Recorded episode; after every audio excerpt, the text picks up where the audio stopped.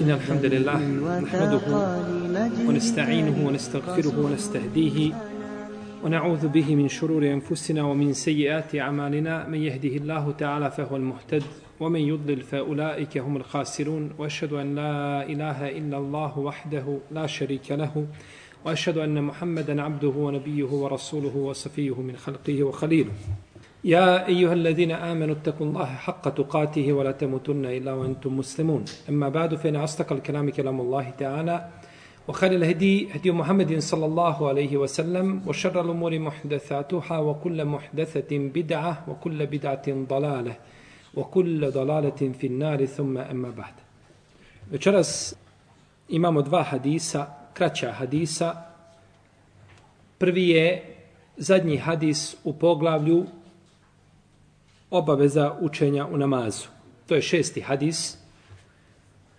Kaže autor, an Jabirin radijallahu anhu, anna nabije sallallahu alaihi wa sallam kale li Muaz, فلولا صليت بسبح اسم ربك الأعلى والشمس والضحاها والليل إذا يغشى فإنه يصلي وراءك الكبير والضعيف وذا الحاجة Od Džabira radijallahu ta'ala anhu se prenosi da je poslanik sallallahu alaihi wasallam rekao Muazu ibn Džebelu da si im klanjao sa sebi hisma rabbike al-e'ala i da si im klanjao sa o šemsi o duhaha i da si klanjao sa o lejli idha jagša jer iza tebe ima starih ljudi i ima slabašnih i ima ljudi sa potrebama.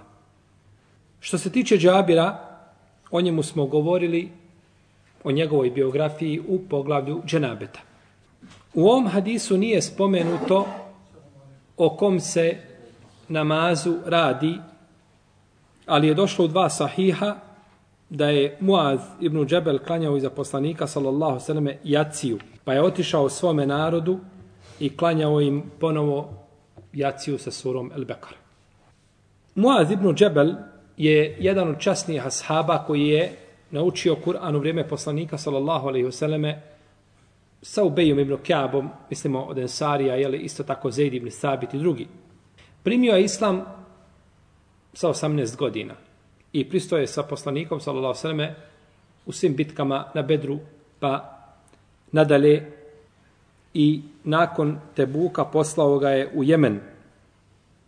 Rekao mu je, izišao je sa njim, radijallahu ta'ala anhu, a on na jahalici.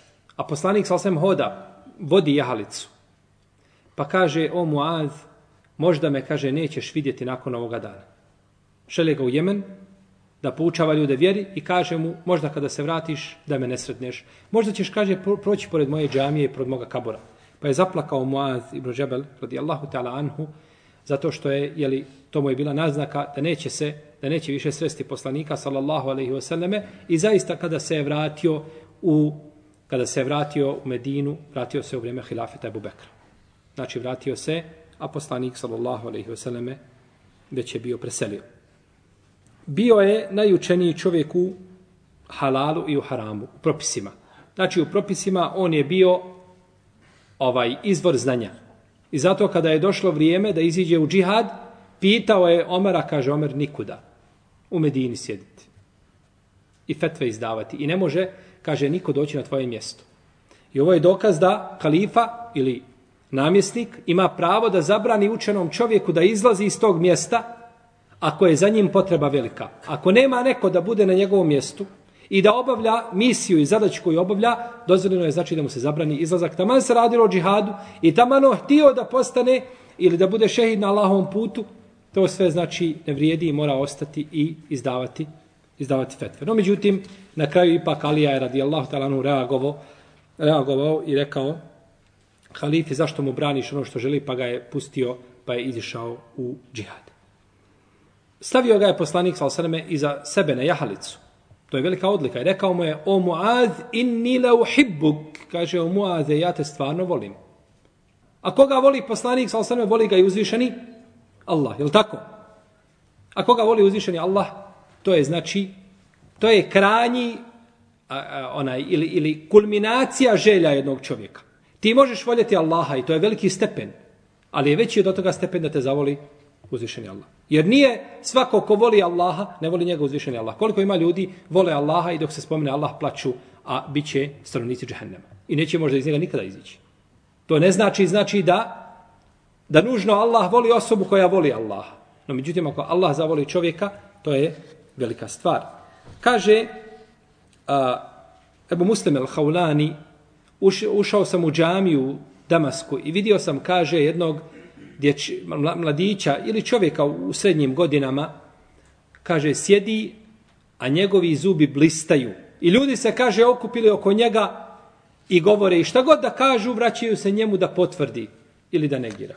Pa je Muaz ibn Džebel bio, znači, od najučenijih ashaba, čak se kaže u predaji Šehr ibn Haušeb kaže, kada bi ashabi o nečemu pričali, i kada bi neko nešto rekao, pogledali bi Muaza. Šta će on kazati? Jel u redu? Šta će? Hoće li on to odobriti ili će znači prešutati ili će imati nešto da doda ili da popravi i slično i slično tome. Kao što su za imama Buhariju, šehovi Buharini koji su kao Suleman ibn Harbi drugi, kada bi pričali, koji god hadis da spomene, Jahe ibn Ma'in i drugi okrenu se prema Buhari i pogledaju u njega, šta će Buharija kazati? Ide li taj hadis tako ili ima tu nešto da se izmijeni? Tako su radili sa Muazob i Muđebelom. I zato je došlo kod imama a, Ibn Asakir ima hadis, sjećam se u njegovoj povijesti, kaže šeh Albani u Sahihul Džamija da je ili vjerodostan ili dobar, a najvjerojatnije da je rekao da je vjerodostojan, da je rekao poslanik sa da će Muaz ibn Džebel biti na, na, na sudnjem danu ispred uleme koliko se može kamen baciti. Vođa po glavaru uleme na sudnjem danu, Muaz ibn Džebel ide ispred njih za koliko se može kamen jedan baciti naprijed kao odlika njemu, znači sva ulema iza njega, ali on je, on je prvi, znači naprijed. Što je velika odlika za ovog časnog sahaba. Bio je bogobojazan čovjek, puno je znači provodio i badetu i puno je znači bio je bogat uzvišen Allah mu je dao i metak pa ga je dijelio na Allahovom putu dok ga nije podijelio svega a bio je mladić on je sa 18 godina primio islam i umro je relativno mlad sa 30 ovaj nešto godina je umro i dijelio je metak i kada je podijelio uzvišeni Allah ga iskušao sa siromaštvom pa mu, ga, pa mu je Omer jedne prilike poslao 400 dirhema poslao mu je Omer 400 dinara da ih podijeli. E, u stvari poslao, poslao je njemu da se pomogne. Pa kada mu je donio sluga od Omera 400 dinara, to je veliki metak bio. Kaže, ovo je poslao vladara pravovjernih tebi da se pomogneš. Pa je pohvalio vladara pravovjernih i zahvalio mu se i, i o njemu lijepo govorio. Pa je pozvao svoga slugu. Dođi vamo, kaže. Nosi ovome pet, ovome sedam, ovome ovo. Pa je sve podijelio. Ništa sebe ostavio nije. Pa Omer je radi Allahanu znao šta će biti. Pa kaže slugi, idi i pazi, kaže šta će uraditi. Vratio se sluga Omeru, kaže Allah, vladaru pravovjerni, on je, kaže, to sve podijelio. A Omer već pripremio drugih 400, kaže, uzmi ovih 400 i nosi. I recimo, Omer ti ovo šalje tebi. Pa je došao sa drugih 400, kaže, ovo je Omer tebi poslao. Pa je uzeo, podje, pa je rekao Allah, nagradio vladara pravovjerni. Allah mu se smije, opet o njemu spomenuo lijepo i pohvalio ga. I opet pozvao slugu. Dođi vamo, kaže. I sve podijelio, dok nije na kraju toga žena njegova iskuće, pa kaže Allahov robe, mi smo najsiromašniji. Pa je rekao, pa dobro, kaže, ovo što je ostalo tebi A ostalo je samo dva dirhema. Ostalo je samo dva dirhema, znači iz toliko para, pa je nakon toga ostavio to sebi radi Allahu Teala Anu. Kaže Jahja ibn Sa'id, imao je dvije žene. Kada bi bio dan kod jedne, ne bi kod ove druge pio vode nikako ne bi naišao da im čašu vode. Niti bi se abdestio kod nje u kući. A, Niti bi se abdestio kod nje šta? U kući. Od velike pravde. Znači koji je pravdu htio da uspostavi među šta? Među ženama. Kao što je kao što je činio Ebu Darda, kako bideži mame Dulabi u svome dijelu kuna, kaže se da je brojao poljubice među ženama. Jednu poljubi tri puta i zapamti. I kad dođe drugoj, isto je poljubi tri puta. Pa je znači bio pravedan, maksimalno pravedan. I čak kada su pre... zajednički su umrle oba dvije u istom danu, od, od e, bila je epidemija, i preselile oba dvije, pa je bacio kocku koja će prva u kabor. Je subhanallah. Brat, kocku znači, jer tada šta imaju isto pravo, jedna i druga. Oba dvije su preselile zajedno, pa je bacio kocku koja će prva ići u kabor. Preselio je u Šamu, kod Seuleme, u Jordanu, današnjem, jeli, 18. hijđarske godine, imao je po jednom rivajetu 38, a po drugom 33 godine. Radi Allahu Teala anhu ardahu. Muad ibn Džebel klanjao objaciju sa poslanikom, sallallahu alaihi sallam. I bio je brižan da uvijek klanja iz Allahovog vjerovjesnika, alaihi sallatu wasallam. Pa bi se vratio svome narodu, budući da je bio hafiz Kur'ana, klanjao bi im šta? Jaciju. I odmah otpočne sa najdužom surom. Jel? Pa je jedan od mladića klanjao iza i to mu je ovaj teško palo. Bio je zemljoradnik, znači puno je radio i dok je počeo Muaz da uči, on vidio znači kuda to vodi, a nije tio razilaženje sa imamom i završio namaz. Kada je to spomenuto Muazu, rekao je, kaže, on je munafik. On je šta? Munafik. Zašto je Muaz rekao da on munafik? Je li imao pravo da mu to kaže? Nije. Imamo ovi koji se odmah kažu jeste. Dobro, vidite. Zašto mu je rekao? Hajdemo, da li imao pravo ili nije, ostajemo to postati. Zašto mu je rekao? Zato što je ovaj čovjek ostavio namaz u džematu. A znate predaj da Abdullah ibn Mesud kaže u naše vreme poslanika nije namaz u džematu ostavio nego čovjek munafikun ma'lumun nifak, čovjek koji je bio poznat kao munafik. Pa dok je ostavio šta namaz u džematu, rekao mu je zbog toga da je šta? Munafik. Znači, rekao mu je da mu, iako nije Moaz ovdje ciljao nifak koji izvodi čovjeka iz vjere, nego da je to vid licemjerstva. Jer da je to vid licemjerstva. Pa je ovaj čovjek otišao odmah, ovaj mladić otišao kod poslanika, sallallahu alaihi sallam, i požalio se. I požalio se, znači, Allahom poslaniku, sallallahu alaihi wasallam. Pa je ukorio žestoko Muaza i rekao, kaže, efetanun ente ja Muaz, jesi li ti, kaže, taj koji ispitivaš ljude, iskušavaš i na kušnju i stavljaš, što im, kaže, nisi klanjao? Sad, tako lijepo, sa sebe hisme rabbike leala, u lejli da jakša, ošem si u duhaha, u jednoj predaji se kod muslima kaže, ikra bismi rabbike alladhi halak. Ta nije došla kod Buhari, nego samo kod muslima. Znači, sve su sure otprilike nekako, jeli, po pola stranice ili tu negdje. Znači, da im se skrati, zašto ih, zašto ih iskušavaš. I ome hadiso je dokaz da ljudi kada se raziđu da trebaju da se obrate učenima da im presude. Da je učeni taj koji treba da presudi i da donese znači hukmi propisi da se kaže ko je u pravu, a ko nije u pravu. A danas se dešavaju da ljudi godinama da se svađaju, da ne govore, da šalju jedni drugima utjerivače dugova, prijete na ove ili one načine, a, pro, a problem se može riješiti na jednostavan način i kazati se ko je u pravu, ko je u krivu i da se postupi po Allahom zakonu.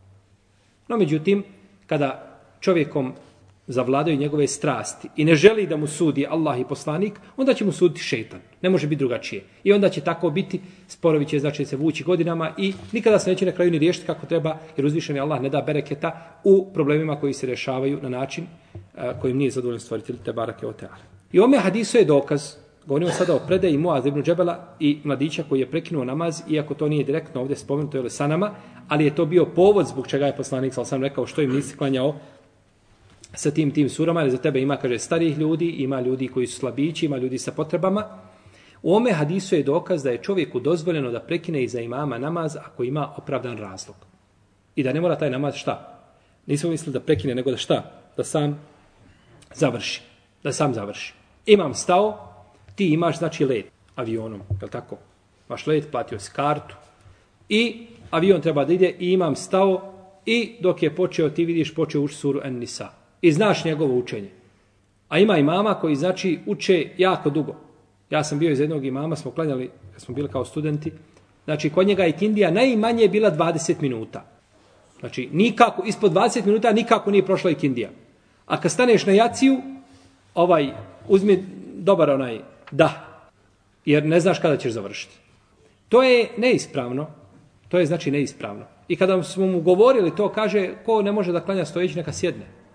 Subhanallah, poslanik je sa osaname bio najbogobojazniji i ashabi, niko nije bio bogobojazniji od njih.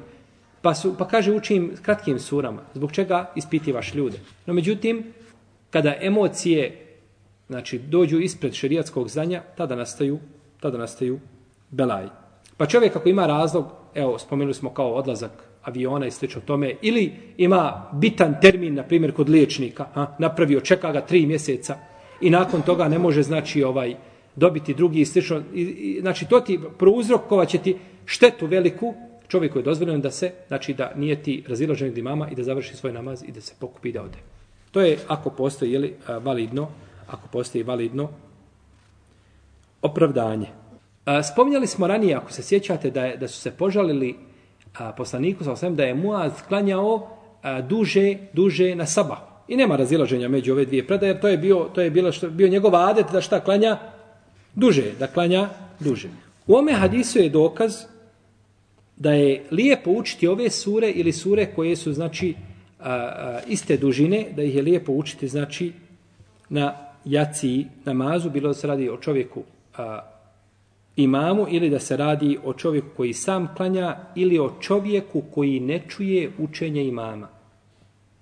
Bio imam, bio samostalno da klanja ili bio muktedija, ali ne čuje učenje imama. Šta ovo znači? Ko će mi kazati? Ne čuje daleko od imama. Šta će onda raditi? Uči će šta? Suru. Imam uči na jaci i proučio fatihu. I on proučio fatihu i uči iza imama suru. Ha? Uči suru. Jer ne čuje učenje imama. On je tamo negdje iza. Jel u redu? I čuje neko prenosi tekbire. Jel u redu? Prenosi, on ne čuje učenje imama. Kad završi fatihu može slobodno proučiti suru. Ne smeta. Jer on ne čuje šta? Nema sluša imama. Ja ne čujem imama. Jel u redu? Pa to je izuzetak kada se iza imama šta uči? Sura. U protivnom se uči samo fatiha. U protivnom se uči šta? Fatiha obaveza izama, iza imama kod jednog, uleme, kod jednog dijela uleme proučiti Fatihu. A niko nije rekao da je sura obavezna. Nego znači ovdje u ovome slučaju može učiti iza imama suru ako želi. Sura nije obavezna da učiš ti sam kada si u namazu i kada si imam. Pa kako će biti onda obavezna ako klanjaš iza imama? Jel u redu? Isto tako lijepo je da čovjek da čovjek uči sve što je došlo od poslanika sallallahu alejhi ve selleme bilo kraće ili duže. I na takav način znači da se čuva sunnet. Ili da je čuo nekoga da uči pa to odobrio.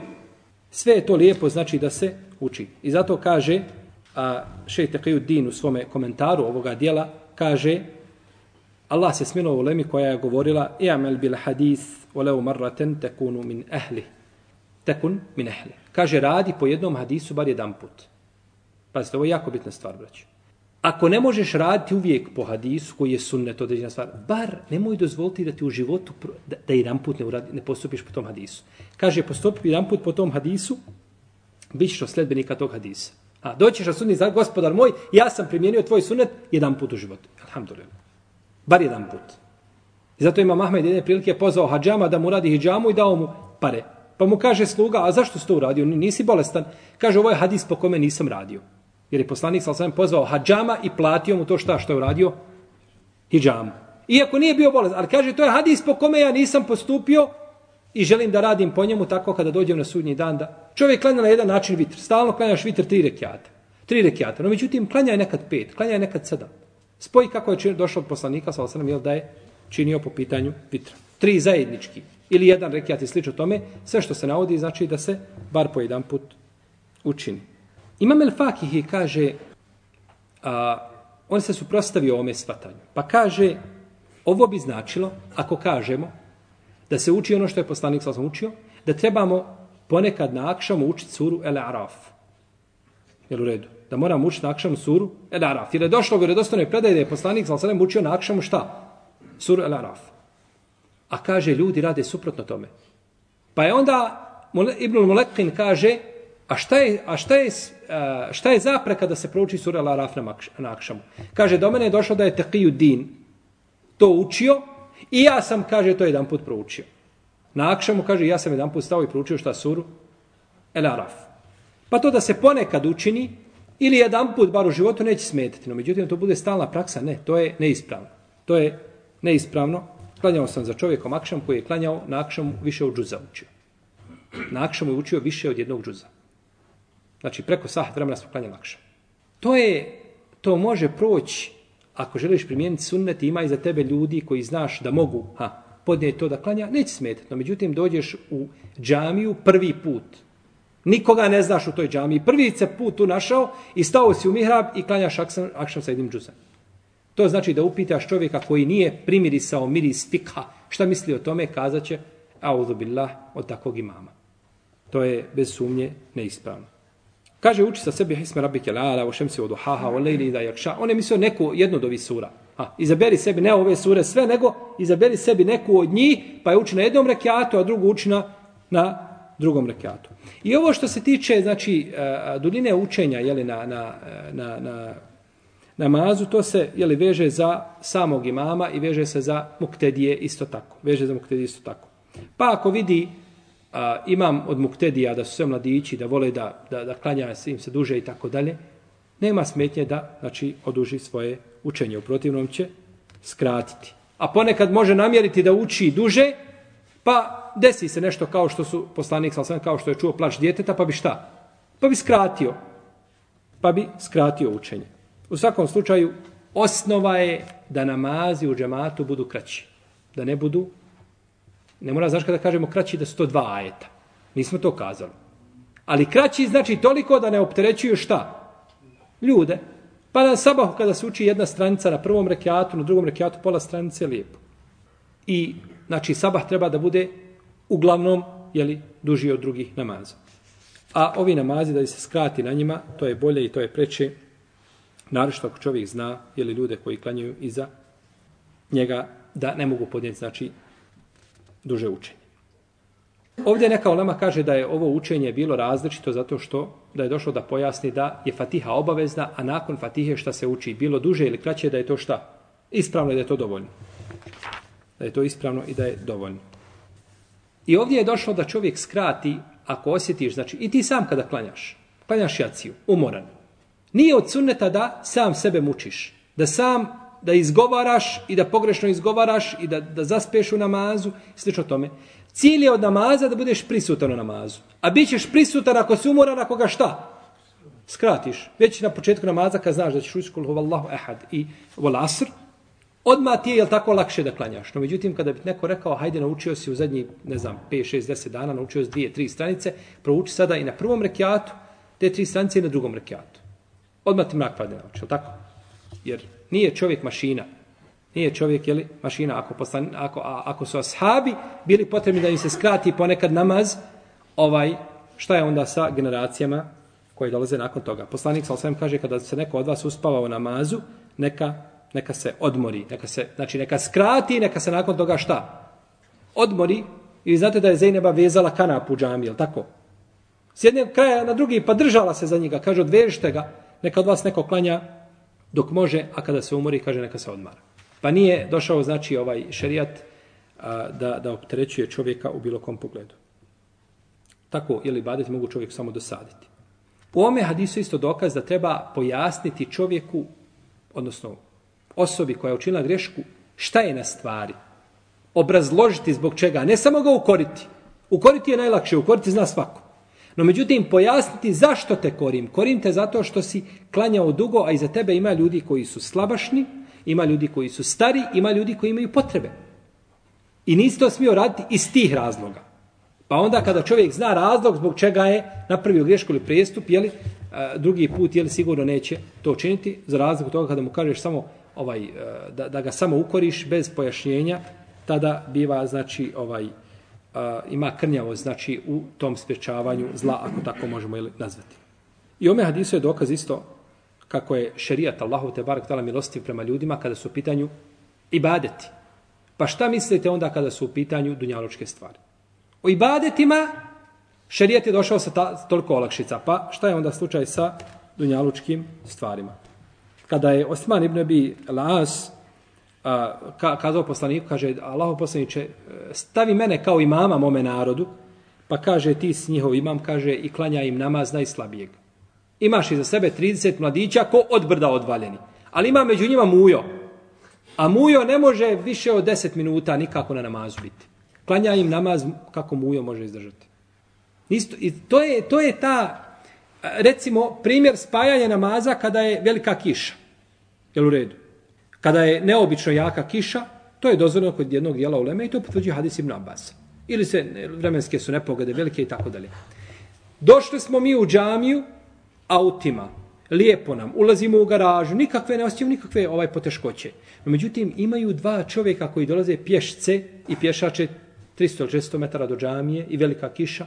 I njima je poteškoća. Možda mi ne bismo imali poteškoću razloga šta da spajamo. Ili ćemo ostati između akšama i jacije u džami imamo predavanje. I dočekat ćemo tu šta? Jacije nećemo spajati. Zašto spajamo? Kad i onako ostajemo do jacije. No međutim, došla, došao je Mujo i došao je Suljo sa njim i oni kisnu. Oni su iz daleka došli, on neće biti na predavanju, on se vraća kućama svojim. Zbog njih dvojice šta? I mi, i mi spajamo sa njima.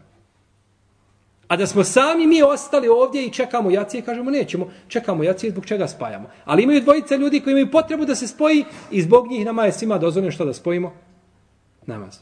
I kažemo ti si, imam svome narodu, klanja im namaz najslabijeg i uzmi sebi mu jezina koji ne uzima za svoj ezan nadoknadu. I ome hadisu je dokaz da treba znači upozoriti na grešku i kazati znači a, ukazati na propust tako da se ljudi znači ne tiraju ovaj iz džamija. Ovdje došlo kaže leula da si im leula. Ovo da si, da si, da si im je poticaj u arapskom jeziku. Poticaj je ako dođe poslije njega glagol u prezentu.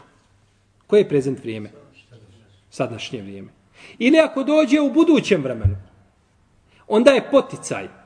Ali ako dođe ispred njega prošlo vrijeme, ako dođe perfekt, onda je pogrda. Da si. Da si tako i tako. Znači nisi. A, uradio si suprotno, prečem i boljem. Pa ako dođe pos, prije, ako dođe posle njega, znači leula zehebt, da si išao tu i tu. A, to je znači već pogrda. Ali ako dođe da si, kada bi otišao, onda je poticaja, nije šta? Pogrda, jer je to nakon U prvom slučaju nakon učinjenog dijela, a u drugom slučaju prije čega? Učinjenog dijela. Pa ne možeš čovjeka koristiti prije učinjenog dijela. Nego ga tu podstičeš. A ako dođe posle učinjenog, onda tu ga, uh, tu ga znači koriš. Imamo nakon toga 18. poglavlje Babu Trki El Džahar. Bi Bismillahirrahmanirrahim. Poglavlje ostavljanja uh, učenja Bismillahirrahmanirrahim na glas. Kaže autor Anenas ibn Malik radijallahu anhu ene nebije sallallahu sallam u Eba Bekrinu u Omara radijallahu anhuma kanu jeftatihune salate bilhamdillahi rabbil alamin. I ili bi alhamdulillahi rabbil alamin. U danas ibn Malika se prenosi da su uh, poslanik sa alejhi Ebu Bekri Omer počinjali svoj namaz sa alhamdulillahi rabbil alamin. A u predaji kod muslima se kaže da je Enes rekao Salaitu ma bi Bekri Omer wa Osmane falam esma ahad minhum jakrav bi bismillahir rahmanir rahim. Kaže klanjao sam sa Ebu Bekrom i Omarom i Osmanom i nisam čuo nikoga od njih da uči Bismillahirrahmanirrahim. I kod muslima treća predaja se navodi u njoj se kaže salatu halfe en nabi sallallahu alaihi ve u Abi Bekr u Omara u Uthman fe kanu yeftatihun as-salate bi alhamdulillahi rabbil alamin la yadhkuruna bismillahirrahmanirrahim fi awwal qira'atin wala fi akhiriha. Kaže, klanjao sam iza poslanika, sallallahu alaihi selleme, i Ebu Bekra, i Omara, i Osmana, pa su počinjali namaz sa Alhamdulillahi Rabbil Alamin, nisu spominjali Bismillahirrahmanirrahim na početku učenja niti na kraju. Ovo je, znači, hadis o učenju a, Bismile tihim glasom, znači u namazu. Kada imam uči na glas. Kada uči u sebi, jasno je. Nema razilaženja među lemom, ali kada uči na glas, da li se uči a, ili ne, ne uči, tu je razilaženje. O Enes ibn Maliku smo govorili u poglavlju ste tabeta. A, I govorili smo isto tako o učenju a, i učenju Fatihe u namazu i to je bilo u a, drugom poglavlju, poglavlju, to je Hadis Ajše u drugom poglavlju, a, svojstva poslanikovog namaza. Ha. I to je bilo otprilike prošle godine u ovo vrijeme. Prošle godine negdje u februaru smo tamo govorili. Ja vjerujem da svi sjećate toga i da ste zapamtili što smo pričali, pa to nećemo ponavljati. Znači, vezano je za šta? Za učenje bismile u namazu, da li se uči na glas ili se uči u sebi. No, međutim, autor je ovdje spomenuo ovaj hadis, budući da je to prethodilo, o tome smo govorili, nećemo ništa posebno ovdje jeli, spominjati. Ovdje samo da spomenemo treći rivajet. Prvi rivajet kaže ovdje, prvi rivajet kaže uklanjao se za poslanika, sa osam Ebu Bekra i Omara i počinjali su svoje učenje sa Elhamdulillahi Rabbil Alemin. U drugoj se kaže, nisam čuo nikoga od njih da uči Bismillahirrahmanirrahim. Poslušajte treći rivajet. Treći vajt kaže, klanjao sam i za poslanika, sal sam Ebu Bekra i Omara i Osmana, pa su učili, elhamdulillahi rabbil alemin, počinjali su tako namaz, nisu spominjali bismillahirrahmanirrahim na početku, niti na kraju učenja. Jeste razumjeli rivajet? A poglavlje smo ovdje kazali, mi smo naslovili poglavlje, a poglavlje mora biti vezano, hadis mora biti vezano za poglavlje, u protivnom nije se, nije se uklopilo. Poglavlje kaže ostavljanje glasnog izgovaranja Bismillahirrahmanirrahim u namazu. Da li ovaj treći rivajet odgovara poglavlju? Zato? Bog? Bog ostavljanja Bismillahirrahmanirrahim. Ne govori se ispred ili poslije. Dobro. A znači odgovara, je li? A, a ima neko da kaže da ne odgovara? I da nam pojasni zašto? Spoljašnjem ne odgovara, ali odgovara. Što ne odgovara po spoljašnjem? Hajde reci. Zato što se ne spominje na kraju. Pazite ovo. Ovdje se kaže u trećem rivajetu, kaže nije učio ni na početku ni na kraju. Šta? Da nije nikao. Aha. A ovdje se kaže u naslovu šta? Ostavljanje glasnog učenja. Znači ima kakvo? Tiho. A ovdje se kaže nisu nikako učeni na početku ni na kraju. Pa ovaj rivajet ne odgovara ome poglavlju. Jer u ovaj poglavlju se negira šta? Potpuno učenje. A ovdje se negira učenje kako? Na glas. Je li, jasna razlika? E, s te strane nije ovaj hadis, ovo ovdje, ovaj ovdje, ovaj rivajet, ovaj treći ovdje muslimov rivajet, on nije, nije za ovo poglavlje. On je dokaz imamu Maliku. Ima Malik kaže nema nikako fatihe. Kod njega nema, o, oprostite, nema nikako bismile. Kod imama Malik, to je njemu dokaz. Nema nikako bismile ovaj, kada je u pitanju jeli, učenje fatihe u namazu. U svakom slučaju, ovdje ovaj, a, mi smo govorili, ovim rivajetom su dokazivali učenjaci da, koji kažu da fatiha nije, e, da bismila nije od fatihe. I o tome smo govorili, mi smo o tome govorili ranije. O tome smo pričali, znači, u pretvodnom spomenutom poglavlju hadisu Ajše, ili to je drugi hadis u poglavlju svojstva poslanikovog sa osaleme namaza. I to je dugi hadis o kome smo pričali, jeli, u dva dijela. I ovim hadisom dokazuju učenjaci koji kažu da se fatiha iza imama uči tihim glasom. Da se fatiha uči iza imama tihim glasom. Jer kaže ovdje Enes, počinjali su bism, sa Alhamdulillah Rabbil Alemin, kaže nisam čuo nikoga da izgovara šta? Bismillahirrahmanirrahim. Da nisu nikako izgovarali, imali smisla da Enes Ibn Malik kaže nisam čuo da izgovaraju. Ha, da nisu nikako učili. Imali smisla da Enes Ibn Malik kaže nisam ih čuo da izgovaraju. Pa nema potreb, ne, nije što nije čuo, nego da nisu izgovarali. Može li eh, Enes Ibn Malik da kaže i nisam čuo nikoga da uči prije a, Fatihe, na primjer, a, suru, a, ne znam, Bošem si oduhaha. Što će to govoriti kada oni svakako to šta ne? Nego kada je rekao nisam čuo, kao da kaže nisam čuo, ali on to šta uče? Tihim glasom. Pa time hoće da, jeli, da naznači. Kaže Imam el-Begovi u svom delu Šerhu Sunne, u trećem tomu, kaže većina islamskih učenjaka od Ashaba i Tabina smatraju da treba ostaviti učenje ovaj bismile, a, bismile a, na glas a, iza imama, jeli, kada uči a, kada uči, jeli, treba uči, da, da se bismila uči, znači ovaj a, tihim glasom, I kaže to je stav Ebu Bekra i Omara i Osmana i većine učenjaka poste i to je odabrao Ibrahim Eneha i odabrao to Malik i Seuri, Ibn Mubarek i Ahmed i Ishak i učenjaci Hanefijske pravne škole. I kaže Lukajli nema učenju Fatihe, nema učenju Fatihe naglasni jednog nijednog vjerodostojnog, nijednog vjerodostojnog hadisa. Imamo rivajete o kojima se spominje učenje bismile na glas. No međutim, oko ti rivajeta razilaženje, kada bismo i prihvatili ta ta razilaženja, onda je to poslanik sa osanem učio da pouči, znači, ashabe, a nikako to nije bila njegova praksa, ali vidimo da nakon toga Hulefa i Rašidini, nemoguće je, znači, da Enes služi deset godina poslanika, salosaname, i da uvijek bude uz njega, i sa Ebu Bekrom, i Omarom, i uvijek sa njima biva, nikada se ne razdvaja, i nakon toga kaže, nikada nisam čuo da neko uči, ja mar, pa bar jedan put, ene se bar jedan put, kaže, nije jedan put. A nisam čuo nikako da uči. Znači, to je, ne, ne, ovaj hadis je jak argument većini džumhuru uleme suproto šafijskim pravnicima. Šafijski pravnici kažu, uče se na glas. No, međutim, Allahu alem da, da ovdje argumenti da idu u prilog džumhuru, jel, islamske, islamske uleme. Kaže šehol islam ibn Temije, prenosimo od Tare Kutnija, da je on rekao, nema ni jednog hadisa vjerodostojnog o učenju bismile na glas. A Dare Kutnija kad ti kaže, nema vjerodostojnog hadisa, imam El Bejheqi i njima slični, nemoj se džaba pati tražiti, slomit ćeš se, izgubit ćeš vremena, ništa neće nam. Jer to su bile zaista, znači to su bila mora i kada kaže, Ibnu Hadžar kada kaže nema tog hadisa, zatvori knjige i nemoj se pati, nemoj ni kompjutere paliti, nemoj ni programe pokretati, ništa. Ništa ti koristi neće. Jer ti svi kompjutori, programi što imaju i sve to što, što se može sabrati, to je bilo njemu u malom prstu pod noktom. Tako da, to je znači bila velika ulema, iako ne kažemo da oni nisu nepogrešivi, Bože sačuvaj, no međutim, zaista kada je u pitanju znači, hadis, hadiska nauka, ovi su bili znači ljudi posebni, znači stručnjaci poput Dare Kutnija i on je napisao posebnu knjigu u Egiptu. I sve hadise koji spominju učenje Bismile naglas ocjenio je slabim i pojasnio je mahale. Mahane, kada je to jedan od malikijskih učenjaka uzeo, kada je uzeo tu knjigu proštao, kaže, vallahi nema ni jednog hadisa o učenju Bismile šta na glas. Odmah se zakleo. Nakon, nakon dijela koga je pročitao, kaže, nema o, ni jednog hadisa o učenju bismile u namazu. Na glas nema, znači, tog hadisa. Jer u dostojno.